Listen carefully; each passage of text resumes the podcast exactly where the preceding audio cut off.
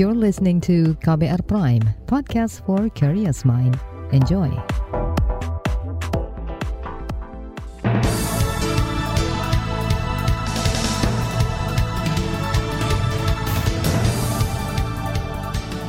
Selamat pagi saudara, senang sekali kami bisa menjumpai Anda kembali melalui program Buletin Pagi edisi Kamis 8 September 2022. Bersama saya Naomi Liandra. Sejumlah informasi pilihan telah kami siapkan, di antaranya kenaikan tarif ojol, rugikan konsumen dan pengemudi. Abdullah Azwar Anas resmi jabat Menteri PAN RB. Keluarga korban mutilasi tolak sidang di luar Mimika, Papua. Inilah Buletin Pagi selengkapnya. Terbaru di Buletin Pagi. Saudara, Kementerian Perhubungan akhirnya menetapkan kenaikan tarif ojek daring atau ojol imbas kenaikan harga BBM. Kenaikan itu akan berlaku mulai 10 September mendatang. Menurut Direktur Jenderal Perhubungan Darat Kemenhub Hendro Sugianto, besaran kenaikannya mempertimbangkan harga BBM, upah minimum regional atau UMR, dan perhitungan jasa lainnya. Selain itu ada komponen biaya langsung dan tidak langsung yang menyangkut pengemudi, profit mitra pengemudi, serta biaya sewa penggunaan aplikasi. Perhitungan biaya jasa ojek online itu telah ditetapkan sejak tahun 2019 melalui keputusan Menteri Perhubungan nomor KP 348 tahun 2019 yang kemudian diubah menjadi KP 548 tahun 2020 yang dibagi menjadi tiga zona, yaitu zona 1 Sumatera, Jawa, selain Jabodetabek dan Bali. Dirjen Hubda Kemenhub Hendro Sugianto merinci di zona 1 tarif batas bawah naik menjadi Rp2.000, sedangkan tarif batas atas menjadi Rp2.500. Adapun tarif minimal ditetapkan sebesar Rp8 hingga Rp10.000. Di zona 2 Jabodetabek, tarif batas bawah ditetapkan Rp2.550, tarif batas atas Rp2.800, serta tarif minimal sebesar Rp10.200 hingga Rp11.200. Kemudian zona 3 meliputi Kalimantan, Sulawesi, Nusa Tenggara, Maluku, dan Papua. Tarif batas bawah menjadi Rp2.300 dan tarif batas atas Rp2.750 serta tarif minimal sebesar Rp9.200 hingga Rp11.000. Kenaikan tarif ojek online bakal membebani konsumen. Kenaikan komponen biaya transportasi menjadi dampak paling dirasakan masyarakat akibat harga BBM naik. Berikut keterangan Ketua Pengurus Harian Yayasan Lembaga Konsumen Indonesia YLKI, Tulus Abadi. Tarif ojek itu sebenarnya sejak 2019 sekalipun itu sudah dirasa mahal oleh konsumen. Dan itu secara empirik akan berdampak terhadap dua hal. Pertama, ojol justru akan ditinggalkan oleh konsumennya. Konsumen akan berpindah menggunakan sepeda motor pribadi yang pasti lebih murah. Dua, akan berpindah ke angkutan umum asal yang ada ataupun angkutan mulainya atau juga berpindah ke mobil. Ketua Pengurus Harian YLKI Tulus Abadi menambahkan naiknya tarif ojol juga tidak menguntungkan pengemudi. Kenaikan itu lebih dirasakan operator atau pengelola aplikasi karena menetapkan potongan biaya operasional ke pengemudi yang tinggi. YLKI juga tidak setuju dengan langkah pemerintah memberikan subsidi ke pengemudi ojol. Solusi terbaik, kata Tulus, yaitu memperkecil potongan dari aplikator dari 20 persen menjadi 10 hingga 15 persen. Penolakan kenaikan tarif ojek online juga disuarakan kalangan pengemudi yang tergabung dalam Asosiasi Pengemudi Ojek Garda Indonesia. Ketua Umum Garda Indonesia Igun Wicaksono mengatakan, alih-alih menaikkan tarif ojol, pemerintah mestinya menetapkan potongan biaya operasional dari aplikator. Jika potongannya dipangkas, maka pengemudi bakal untung. Jadi uh, yang pertama mengenai kenaikan itu yang diuntungkan siapa? Kalau yang terjadi saat ini yang diuntungkan pastinya operator, maksudnya pemilik aplikasi. Karena pemilik aplikasi ini masih mendapatkan 20% dari tarif atau uh, uh, upah yang diterima si driver dari penumpangnya. Ketua Umum Garda Indonesia Igun Wijaksono menambahkan pengemudi ojol siap turun ke jalan besok jika pemerintah tak menggubris aspirasi mereka. Masalah potongan biaya operasional dari aplikator ini juga menjadi catatan pengamat transportasi Joko Setiowarno. Ia berpendapat lebih baik menurunkan potongan dari aplikator dari 20% menjadi 10% ketimbang mengerek tarif ojol. sebab kenaikan tarif akan menurunkan daya beli masyarakat sehingga mereka akan beralih ke moda transportasi lain. Ya, karena itu paling hukumnya juga tidak jelas ya kalau aplikator nggak melaksanakan juga nggak apa-apa. Dia juga bisa tidak melaksanakan, bahkan dia bisa menuntut untuk digagalkan boleh. Karena bukan perhubungan juga nggak punya apa regulasinya tidak ada lemah sekali. Itu kan hanya bentuk pertolongan aja karena ini kan kebijakan politis. Tapi sangat lemah di regulasi.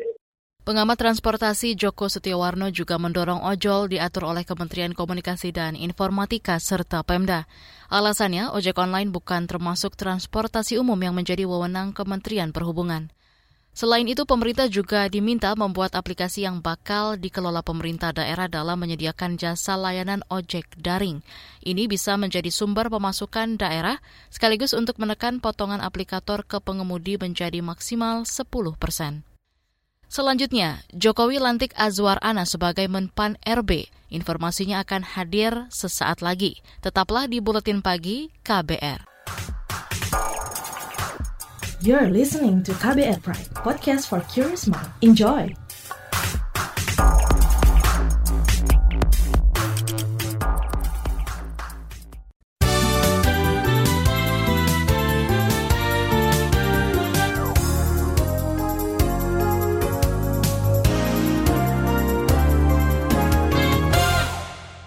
Anda sedang mendengarkan Buletin Pagi KBR. Presiden Joko Widodo melantik Abdullah Azwar Anas sebagai Menteri Pendayagunaan Aparatur Negara dan Reformasi Birokrasi Menpan RB. Abdullah Azwar Anas menggantikan Menpan RB sebelumnya Cahyo Kumolo yang telah meninggal Juli lalu. Bahwa saya bahwa saya dalam menjalankan tugas jabatan dalam menjalankan tugas jabatan akan menjunjung tinggi etika jabatan akan menjunjung tinggi etika jabatan bekerja dengan sebaik-baiknya bekerja dengan sebaik-baiknya dengan penuh rasa tanggung jawab. Dengan penuh rasa tanggung jawab. Dalam kesempatan yang sama, Kepala Negara juga melantik anggota Dewan Kehormatan Penyelenggara Pemilu DKPP Unsur Tokoh Masyarakat periode 2022-2027. Ada lima nama yang dilantik jadi anggota DKPP, yakni Idewa Kade Yarsa Raka Sandi, Ratna Dewi Petalolo, Muhammad Tio Aliansyah, Hedi Lugito, dan J. Kristiadi. Pemerintah mengklaim rancangan Kitab Undang-Undang Hukum Pidana RKUHP siap disahkan. Namun Menteri Koordinator Politik Hukum dan Keamanan Mahfud MD mengatakan instruksi Presiden Joko Widodo agar sosialisasi terus dilakukan sebelum pengesahan RKUHP. Diminta lakukan sosialisasi lagi ke kampus-kampus, ke LSM, ke ormas-ormas, diskusikan lagi. Ada enggak yang masih menjadi pertanyaan bagi mereka. Beritahu aja bahwa ini kebutuhan masyarakat, oleh sebab itu masyarakat harus tahu. Sehingga ketika nanti diundangkan asas fiksi hukum bahwa masyarakat harus dianggap tahu dan terikat begitu hukum itu diundangkan, itu kita bisa bertanggung jawab. Dulu udah diberitahu, kok tidak tahu ya salahnya sendiri. Sudah diajak diskusikan, Menko Polhukam Mahfud MD mengakui perumusan RKUHP tidak lepas dari kritik karena Indonesia merupakan negara yang mengedepankan asas demokrasi. Namun Mahfud memastikan penerapan pasal RKUHP nantinya harus diterima masyarakat. Mahfud menyebut ada 650 pasal di RKUHP yang bisa didiskusikan bersama publik. Hasil pemeriksaan tersangka kasus pembunuhan Brigadir J dengan menggunakan alat pendeteksi kebohongan atau lie detector bisa dijadikan bukti di persidangan. Juri bicara Mabes Polri, Dedi Prasetyo, mengatakan hasil tes poligraf atau lie detector bersifat pro justitia, sehingga pemeriksaan tersebut dinyatakan sah dan memiliki kekuatan hukum.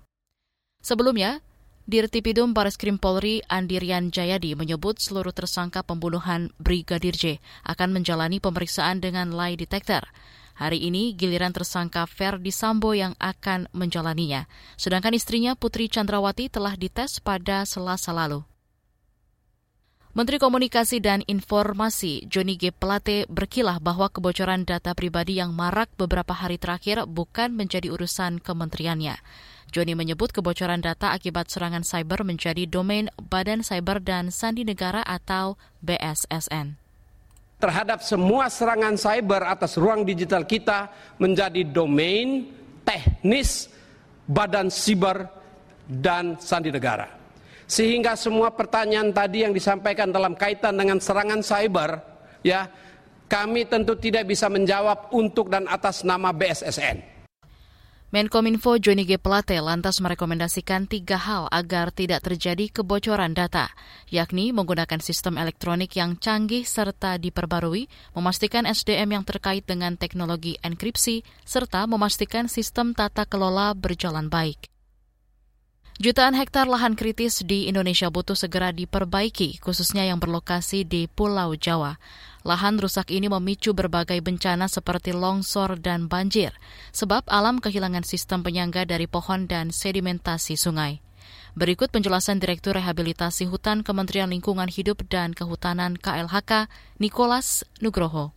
Kondisi lahan dan hutan kritis di Indonesia memang cukup luas. Sesuai dengan SK Ibu Menteri, SK 306 tahun 2018, ada seluas kurang lebih 14 juta hektar kawasan di Indonesia ini yang dikategorikan sebagai lahan kritis. Kemudian untuk di Jawa sendiri, sekalipun Jawa ini pulaunya tidak relatif besar, tetapi lahan kritisnya ternyata menyumbang e, luasan yang cukup signifikan juga. Jadi luasannya mencapai kurang lebih sekitar 2,1 juta hektar. Direktur Rehabilitasi Hutan KLHK Nicholas mengklaim kementeriannya telah menjalankan dua program lahan kritis, seperti rehabilitasi vegetatif dan rehabilitasi sipil teknis. Kedua program itu dikerjakan pemerintah pusat dan daerah. Kita ke informasi ekonomi. Menteri Keuangan Sri Mulyani Indrawati mengklaim APBN tahun ini masih mampu menjaga kebutuhan masyarakat, namun ia mengakui kenaikan subsidi BBM membuat APBN tertekan. Kalau kita lihat secara lebih teliti detailnya ya dalam hal ini size dari APBN kita yang akan meningkat di atas 3.000 triliun pertama kali tahun ini. Ya. Tahun ini melonjak ke 3.000 triliun dari 2.750 purely karena kita menaikkan subsidi BBM dan energi hmm. lebih dari tiga kali lipat. Ya. Dari 152 triliun menjadi 502,4 triliun Menteri Keuangan Sri Mulyani Indrawati menyebut subsidi dan kompensasi kenaikan harga BBM digelontorkan guna menjaga daya beli masyarakat yang memastikan tahun depan subsidi tetap dialokasikan dalam APBN. Kita beralih ke berita mancanegara. Presiden Indonesia Joko Widodo mengucapkan selamat kepada Liz Truss sebagai Perdana Menteri baru Inggris. Dalam cuitannya di Twitter, Jokowi mengajak bekerja sama memperkuat kemitraan strategis antara Indonesia dan Inggris, termasuk menjaga perdamaian, stabilitas, dan kemakmuran di Indo-Pasifik. Presiden Jokowi juga berterima kasih kepada bekas Perdana Menteri Inggris Boris Johnson. Selasa lalu, Liz Truss sah menjadi Perdana Menteri Inggris. Ia juga telah mendapat restu dari Ratu Inggris, Elizabeth. Beralih ke berita olahraga. Kita ke Liga Champions. Liverpool kalah telak 1-4 dari Napoli pada pertandingan Liga Champions di Stadion Diego Maradona, Napoli, Kamis dini hari tadi. Empat gol tim tuan rumah dicetak Piotr Zelensky di menit ke-5 dan 47, Andre Frank Zambo di menit 31 dan Giovanni Simeon di menit ke-44. Di laga lain, Bayern Munchen sukses menundukkan Inter Milan 2-0. Dua gol dicetak Leroy Saint di menit ke-25 dan gol bunuh diri Danilo Di Ambrosio di menit 66. Pebulu tangkis tunggal putra Antoni Sinisuka Ginting dan ganda putra Indonesia Hendra Ahsan turun satu peringkat yang dirilis Federasi Bulu Tangkis Dunia BWF kemarin. Ginting turun ke posisi ke-6 dunia usai tersingkir di perempat final Jepang terbuka. Ia digusur pebulu tangkis Taiwan Chou Tien-chen. Sementara pasangan Hendra Asan turun ke peringkat keempat atau bertukar tempat dengan peraih medali emas Olimpiade asal Taiwan, Li Wang, yang naik ke peringkat ketiga. Di sektor ganda putri, Apriani Siti Fadia naik 9 tingkat ke posisi 31, sementara tunggal putri Indonesia Gregoria Mariska masih ada di posisi ke-23. Di sektor ganda campuran, Jordan Melati masih tertahan di posisi kelima BWF. Di bagian berikutnya kami hadirkan laporan khas KBR yang membahas pengadilan HAM ad hoc untuk Munir. Simak usai jeda, tetaplah di Buletin Pagi KBR. You're listening to KBR Pride, podcast for curious mind. Enjoy!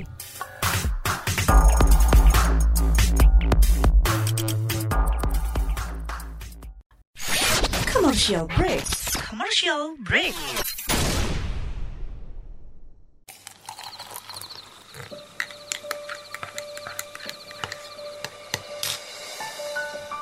Hai, kamu apa kabar? Masih suka menikmati senja dan kopi? Aku masih ingat kebiasaan kita. Sehabis pulang kerja, selalu mencari tempat untuk sekedar ngobrol dan ngopi. Tapi kadang kita kehabisan bahan obrolan. Aku masih melakukan hal yang sama sampai sekarang tanpa harus takut habis bahan buat ngobrol. Karena aku selalu mendengarkan KBR sore dari Senin sampai Jumat jam 4 sore. Ah, aku rindu. KBR Inspiratif Terpercaya.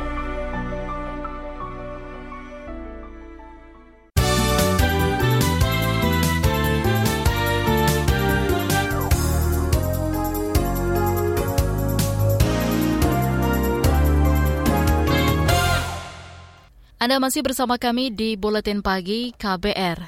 Kalangan aktivis mendesak Komnas HAM menetapkan kasus pembunuhan aktivis HAM Munir Said Talib. Apalagi kasus Munir juga bakal dinyatakan kadaluarsa. Komnas HAM pun membentuk tim ad hoc untuk menyelidiki kasus tersebut. Apakah pengadilan HAM ini bakal membuka peluang penyelesaian kasus Munir? Berikut laporan khas KBR disusun jurnalis Heru Haitami. Munir ada dan berlipat ganda. Kita semua adalah Munir di sini yang kita juga hari ini terancam situasinya karena kita terus membela hak asasi manusia. Betul kawan-kawan? Puluhan orang berkumpul di kantor Komnas HAM Jakarta Rabu pagi kemarin. Mereka membawa keranda hitam sembari meneriakan tuntutan keadilan. Beberapa di antaranya mengenakan topeng berwajah Munir. Mereka merupakan aktivis yang tergabung dalam Komite Aksi Solidaritas untuk Munir Kasum. Dalam momentum 18 tahun kasus pembunuhan Munir, Kasum melangsungkan aksi simbolik sebagai bentuk protes atas lambannya Komnas HAM menetapkan kasus Munir sebagai pelanggaran HAM berat. Padahal menurut Kasum, kasus pembunuhan Munir telah memenuhi unsur pelanggaran HAM berat sesuai Undang-Undang tentang Pengadilan HAM. Pada pasal 7 disebutkan salah satu bentuk pelanggaran HAM berat adalah kejahatan terhadap kemanusiaan. Koordinator LSM Kontras yang juga aktivis Kasum, Fatih Tia Maulidianti pun mendesak Komnas HAM segera menetapkan kasus Munir sebagai pelanggaran HAM berat. Mengingat kasus Munir terancam kadaluarsa karena ada batas waktu 18 tahun, penyelesaian tindak pidana biasa sebagai ketentuan Kitab Undang-Undang Hukum Pidana KUHP. Maka kita harus melawan sekeras-kerasnya, kita juga harus menuntut kepada negara untuk segera menetapkan sebuah perlindungan terhadap pembela HAM dan menuntaskan kasus Munir sesuai dengan mandat Undang-Undang Pengadilan HAM melalui mekanisme pelanggaran HAM berat. Semua pelaku harus diadili tidak hanya para eksekutor, tapi juga otak di balik pembunuhan Munir. Segera buka kasus TPS Munir, tetapkan sebagai kasus pelanggaran HAM berat. Sidang paripurna Komisi Nasional Hak Asasi Manusia Komnas HAM 6 September kemarin memutuskan pembentukan tim ad hoc untuk kasus Munir Said Talib. Pembentukan tim merujuk pada aturan dalam Undang-Undang tentang Pengadilan HAM. Ketua Komnas HAM Ahmad Taufan Damanik mengatakan sudah ada beberapa nama tim ad hoc penyelidikan pelanggaran HAM berat kasus pembunuhan Munir.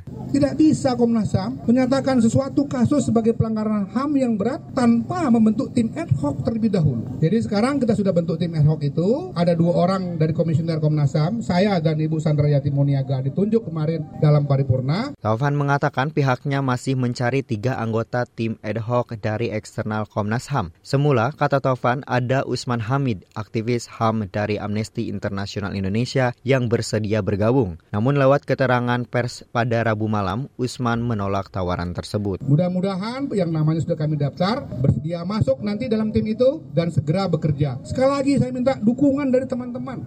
Ayo bersama-sama dengan kami untuk menegakkan keadilan itu. Nantinya tim ad hoc kasus Munir bakal bertugas menyelidiki dan menentukan apakah ditemukan pelanggaran HAM berat atas kasus yang terjadi tahun 2004. Mengumpulkan dua bukti permulaan yang cukup untuk membuat peristiwa itu sebagai pelanggaran HAM berat, serta meminta keterangan terkait dengan peristiwa kematian Munir. Pakar Hukum dan HAM dari Universitas Gajah Mada Herlambang Wiratman mengatakan tim ad hoc harus bekerja secara ekstraordinari atau luar biasa. Kata dia, tim ad hoc juga bisa membuka kembali temuan tim pencari fakta atau TPF. Hingga kini keberadaan dokumen TPF tak diketahui. Selain itu, Komnas HAM harus memastikan impunitas tidak terjadi.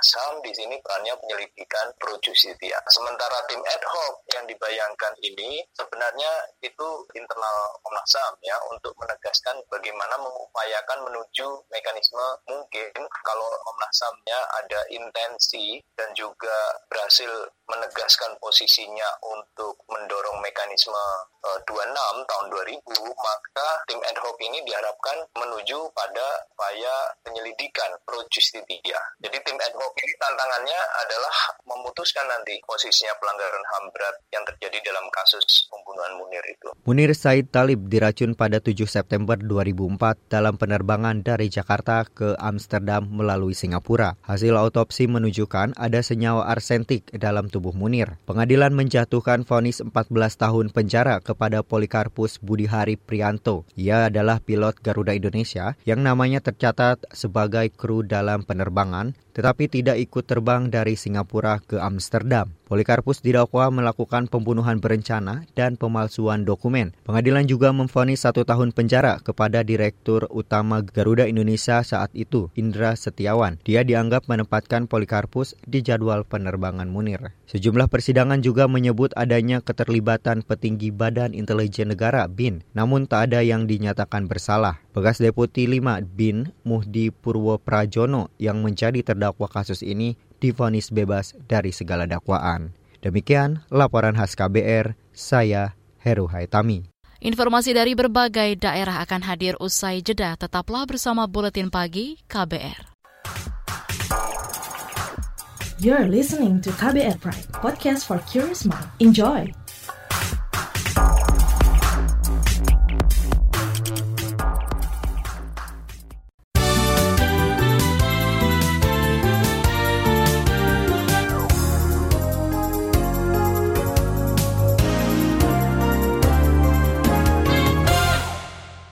Inilah bagian akhir buletin KBR.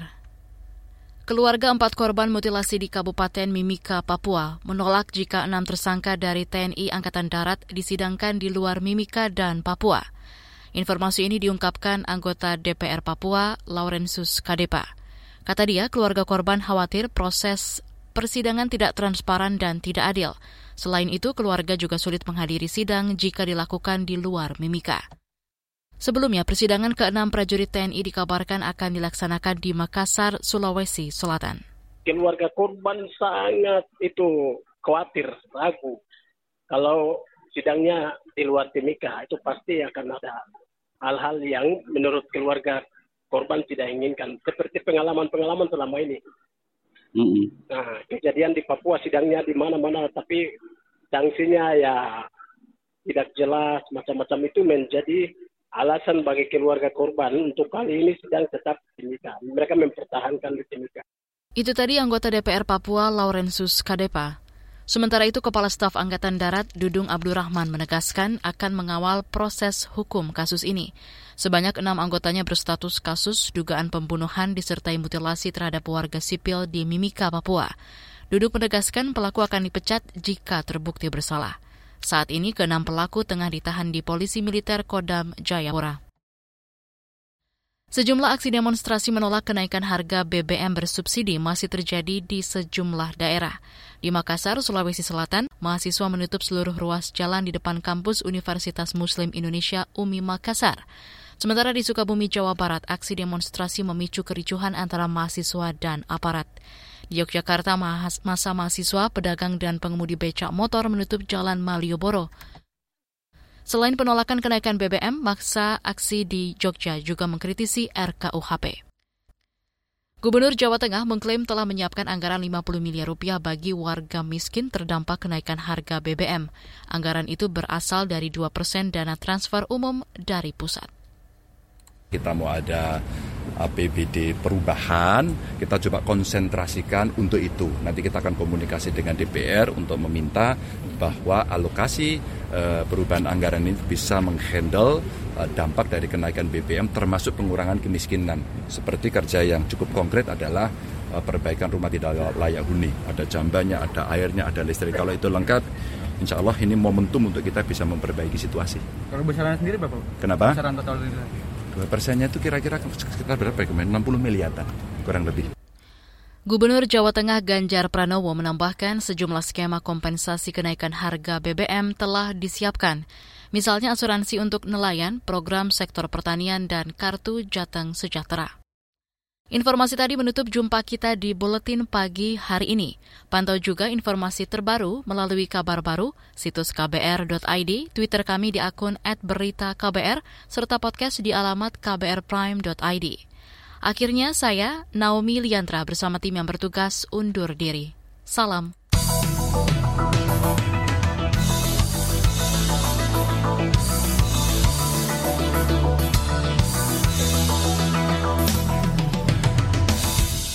KBR Prime, cara asik mendengar berita. KBR Prime, podcast for curious mind.